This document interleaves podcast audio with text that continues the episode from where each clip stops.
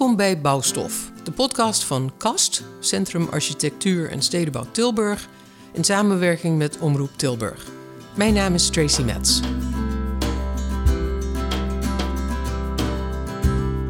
Vandaag is mijn gast Babette Porselein.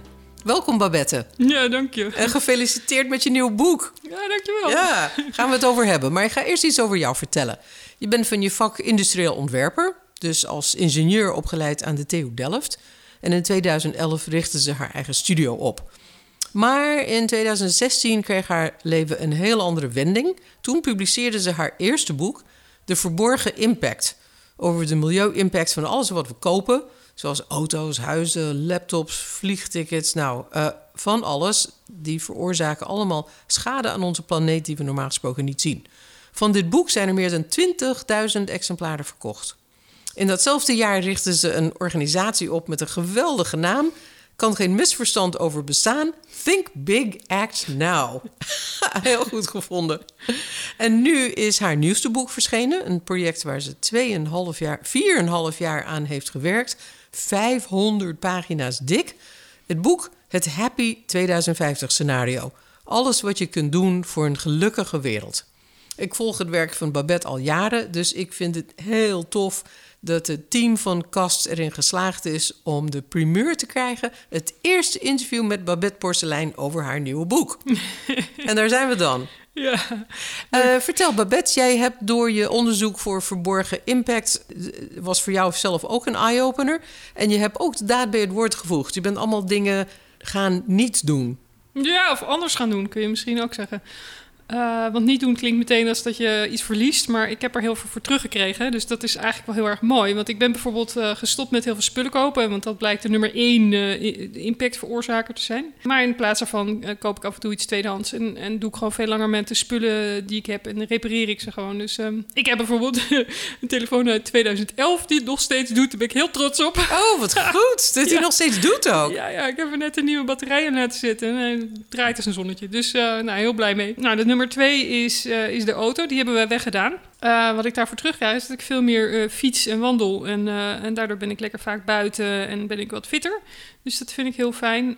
nummer drie is het huis. Nou, we hadden gelukkig al een vrij klein en goed geïsoleerd huis. Dus dat is prima. Maar ik heb bijvoorbeeld de stoeptegels in de tuin gewoon omgedraaid. In plaats van weggedaan en, nieuwe gekocht. Toen, toen we de tuin gingen opknappen. En de badkamer heb ik ook gewoon laten zitten. Nou ja, dat, dat is helemaal niet erg dat hij niet zo mooi is. Want hij doet het gewoon. Dus weet je zo. En um, uh, nummer vier is, is vlees. Dat, daar ben ik gewoon mee gestopt. En want dat heeft een, trekt enorme wissel op, uh, op de natuur ook. En het, uh, het gebruikt heel veel ruimte in de kostbare landbouwgrond. Dus, maar in plaats daarvan eet ik gewoon heel veel heerlijke andere gerechten. En dat, daar geniet ik enorm van. Ook daar word je alleen maar gezonder van. Dus dat is ook een, eigenlijk een winst. Dus ik zie vooral win-wins. En, en de vijfde is vliegen. En daar ben ik gewoon mee gestopt. Dus dat, dat doen we niet. En, uh, en mijn man die, die wil het ook niet meer. Dus dat, dat scheelt hoor, dat je dat samen fijn vindt op die manier. En het leuke daarvan is, is dat we nu de reis niet overslaan, maar we maken hem echt. Dus we zijn bijvoorbeeld een keertje naar Rome gefietst. En we zijn een keertje naar Praag gefietst. En, uh, wow. ja, weet je, dat zijn zulke gave tochten. Joh. En je maakt dan die reis en je ziet het landschap veranderen. En uh, dus dat, dat, dat, is gewoon echt gek. Of, of een, een huttentocht in de bergen of zo, weet je. Nou, daar hoef je dus echt niet voor in het vliegtuig te stappen. Nederland is heel prachtig, Europa is heel prachtig. En uh, ja, dat is, een van mijn motto's is de weg is de herberg. En dat, zeker op vakantie doen we dat ook echt, zeg maar. In de talkshow Bouwstof, waar deze podcast bij hoort... trad laatst de jonge spoken word artist Dina El Filali op. Zij is trouwens ook net als jij ingenieur opgeleid aan Delft. Ja, ja.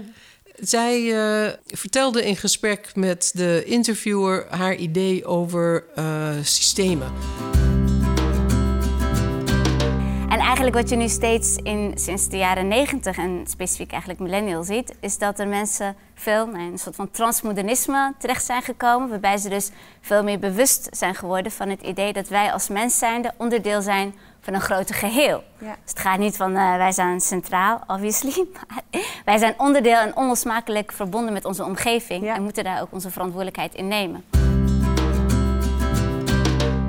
Wat vond je van haar uitspraken? Ja, ze zegt dat, dat de mens zichzelf um, eigenlijk sinds de jaren negentig niet meer los ziet staan van, eh, van de wereld om zich heen, maar meer eh, de verbondenheid. Hè? Dus de, de, dat het bij elkaar hoort en dat het elkaar beïnvloedt. Dat wij onderdeel zijn van. Ja, ja dat, ja. onderdeel zijn van.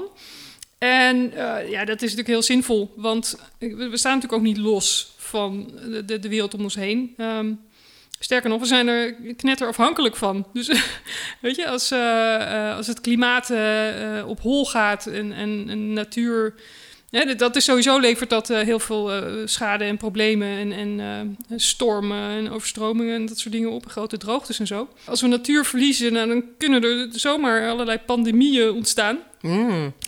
dus dat, dat is een, een gevaar. En, en nou, milieuvervuiling, dat is gewoon heel ongezond. Daar word je hartstikke ziek van. Dus het zijn echt, echt, we zijn afhankelijk van een intacte planeet die ons voedsel geeft, die ons schone lucht geeft. En uh, en water en, uh, en, en stabiele, veilige omgeving. Dus ja, we zijn wel degelijk uh, onderdeel van, een, een, van de natuur en van de planeet. En als, je, als je dat vergeet, dat, dat is een risico.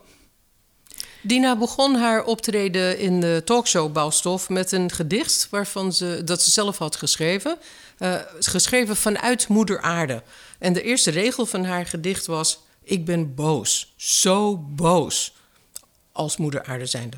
Maar ben jij ook boos over wat we moeder aarde aandoen? Nee.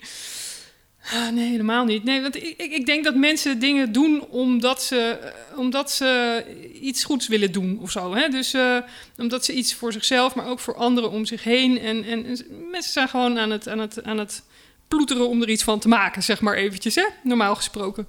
En um, Ehm, eh, eh, dat, dat daar allerlei eh, dingen achter zitten die niet goed gaan en die de planeet schaden. Ja, dat doen we niet opzettelijk of zo. Ik bedoel, je gaat niet opzettelijk een oerwoud in en gaat dus even lekker een middagje bomen omhakken, gewoon voor de lol. Weet je, zo werkt het nee, niet. maar dus wel voor winstbejag.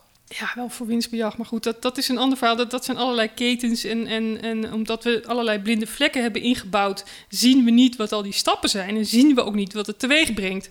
En daar wil ik graag verandering in brengen. Ik wil graag heel erg inzichtelijk maken van nou, als je hier iets doet, dan aan de andere kant van de wereld betekent dat dat daar bomen worden gekapt.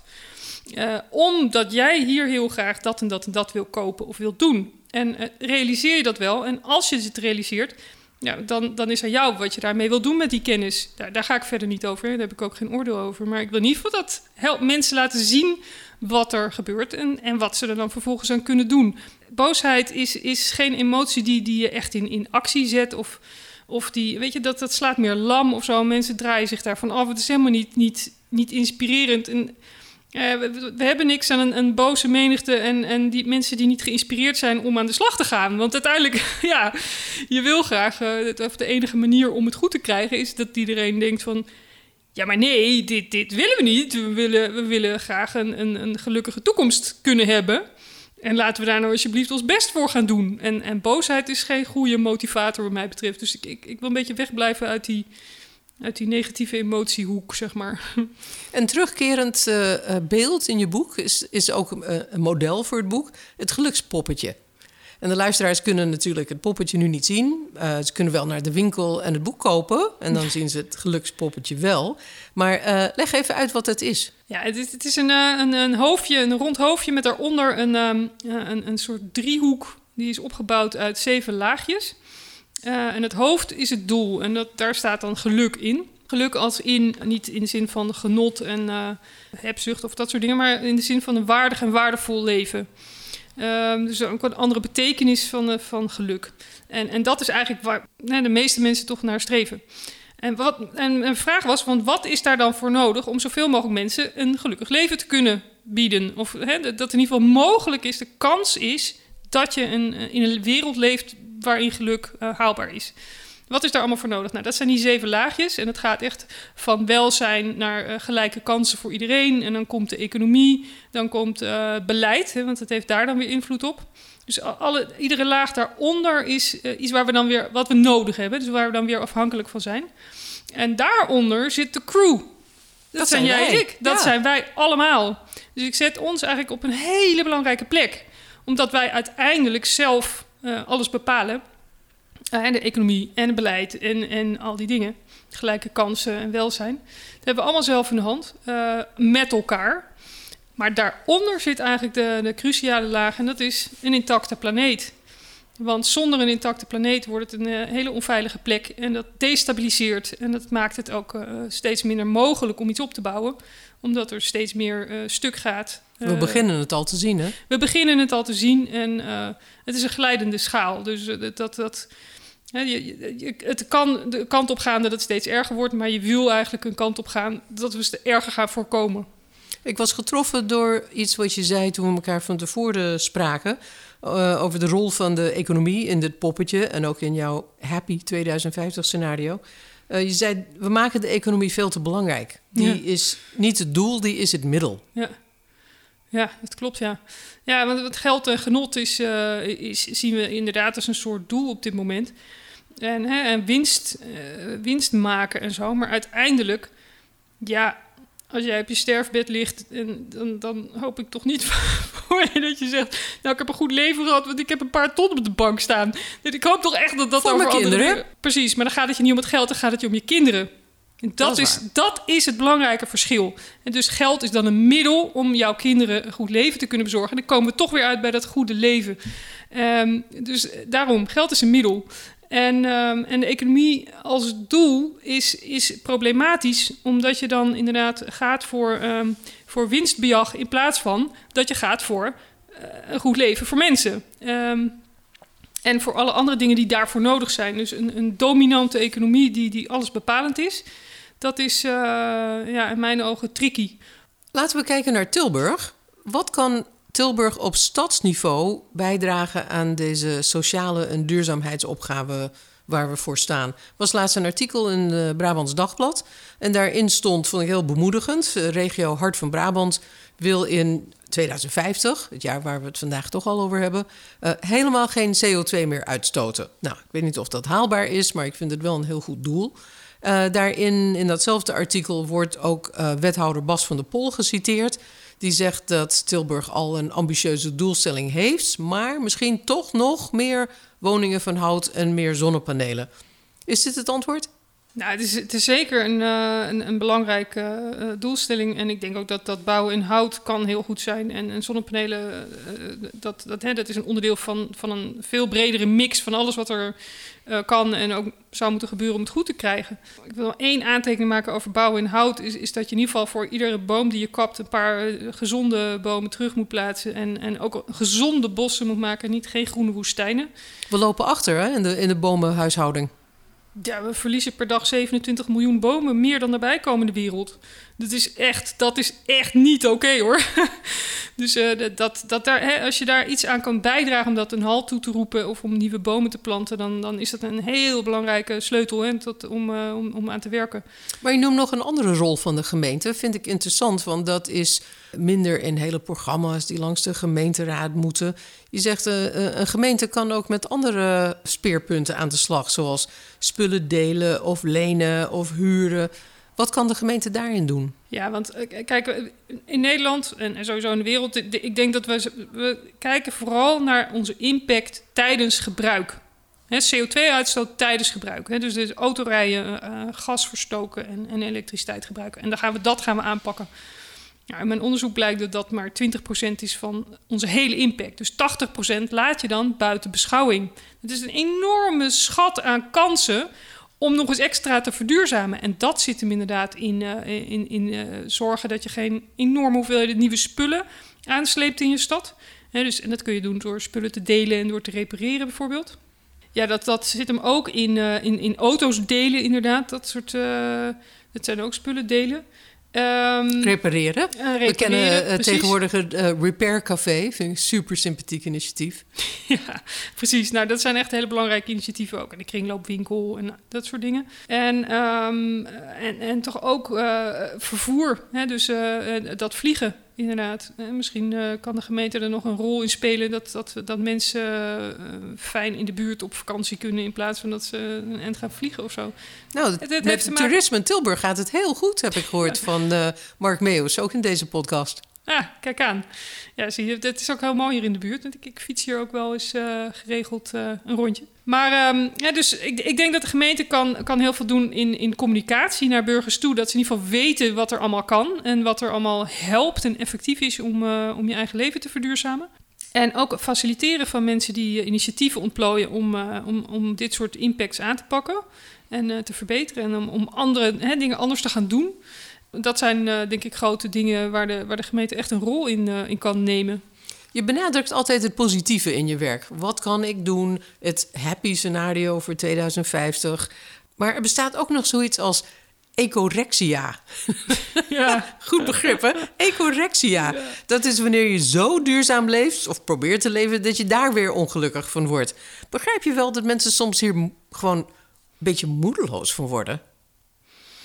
Nou, voor mij zijn er twee dingen. Dus het, dat ecorexia, dat, dat risico loop ik soms ook wel eens een beetje. Dat ik een beetje doorschiet in mijn uh, poging om duurzaam te leven. En dan ga je jezelf in de weg zitten. Weet je? Dan kan je gewoon niet meer normaal functioneren. En dan heb je ecorexia. Dat is niet goed. En daarom is uh, een motto voor mij ook... Is, uh, uh, doe in ieder geval de, de, grote dingen goed. Dan kan je een beetje relaxen op die details. Die geven ecorexia. Weet je wel, en de grote dingen, ja, dat, dat, is gewoon een paar grote keuzes. En dat is niet zo ingewikkeld. Maar ecorexia, dat, dat wil je gewoon voorkomen. Dus uh, doe het, ga verduurzamen tot op een niveau waarop het je niet te veel... Uh, um, ja, echt in de weg gaat zitten. Ja, dat je echt, dat andere wat je zei, is dat je, dat je echt moedeloos wordt. Dat is eigenlijk een, een misschien wel een andere emotie. En dat zien we bijvoorbeeld ook uh, na zo'n uh, verschijnen van een, van een zwaar IPCC-rapport, waarin in echt daar, daarvoor over het klimaat. over het klimaat, dat, dat het echt helemaal niet goed gaat en zo. En de mensen reageren dan niet zo van oh jee, uh, er is iets aan de hand, ik ga aan de slag. Nee, ze reageren van, oh jee, er is iets aan de hand en, en er is niks meer aan te doen. Dus laat ik nog maar een keertje naar Bali vliegen. Maakt het uit, weet je wel. Kijk, nog een hamburger. Nee, dat is flauw, maar... nee, kijk, ik zie het zo. Stel je voor, dit, dat, dat kalf is onderweg naar die put, hè? Hij dreigt daarin te storten. Ik zou dan zeggen... Stop meteen, alles, laat alles vallen uit je handen. Ren naar dat kalf, pak het vast. Bind het vast, zet een hek om die put, demp die put en zorg dat het niet gebeurt. In plaats van dat je achterover gaat leunen. Oh, hij loopt erop af. Nou, het zal wel misgaan. Laat maar hoor. Ja, nee, dat, dat schiet dan niet, dat schiet toch niet op. Dus uh, kijk, alles wat we vandaag gaan doen, of het nou positief of negatief is, het heeft straks een effect. Dus het maakt alles uit wat je vandaag doet en wat je morgen gaat doen. En uh, ik zie mijn rol als in dat ik je kan laten zien, dat ik mensen kan laten zien uh, wat het meeste effect heeft en wat zinvol is om mee aan de slag te gaan. Zodat je niet uh, gaat, gaat mieren op een detail, wat misschien ook nog wel eens een waterbedeffect kan veroorzaken ergens anders. Um, maar dat je echt met grote en belangrijke dingen aan de slag gaat. En daar kun je ook nog eens heel veel lol aan beleven en, en voldoening in ieder geval uithalen. Om, om met dat soort uh, effectieve en positieve dingen bezig te zijn. En weet je, daarom zeg ik, de weg is de herberg. Van alleen al daarmee bezig zijn, wordt je leven nu vandaag al uh, waardevol. En dat is, nou ja, dat is al iets om vandaag happy van te worden, volgens mij. Uh, titel van je boek is dus het Happy 2050 scenario. Waar ben jij zelf in 2050? Kun je je dan voorstellen dat je achterover kunt leunen en zeggen: Hé, hé, poepoe, we hebben het gered? nee, het is, het is een proces. En dat zal het ook in 2050 zijn. En dan zijn we weer onderweg naar 2100. Misschien dat ik wel van mezelf kan zijn. Nu is mijn rol uitgespeeld. En laten andere mensen het overnemen. Uh, of dat in 2050 of in 40 of in 60 is, dat weet ik natuurlijk nog niet. Ik hoop dat ik het allemaal nog lang mee mag maken. Maar, uh, en, en ook me nog lang hier tegenaan mag bemoeien. maar um, nee, dit, dit is een, een, een, proces wat, wat eindeloos door blijft gaan. En, en een leerproces is ook nooit voorbij. En een verbeterproces is nooit voorbij. Dus uh, de wereld verandert en dat zal die altijd blijven doen. Dus we zijn er niet in 2050. Het is maar een punt ik neem wel 2050 en niet 2030, waar mensen toch om vragen van ja, maar dat is toch veel dichterbij, ik kan me veel dichter, makkelijker iets bij voorstellen.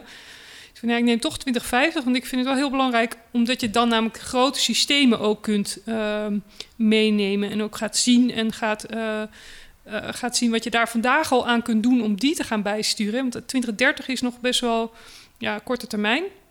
Nog maar 100 maanden vanaf vandaag. Of, nou, eh, 1 september eh, 2021.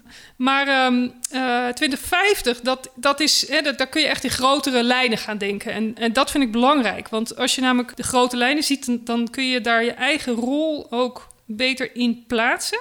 En dan kun je dus ook op die manier daar een zo effectief mogelijke rol voor jezelf creëren.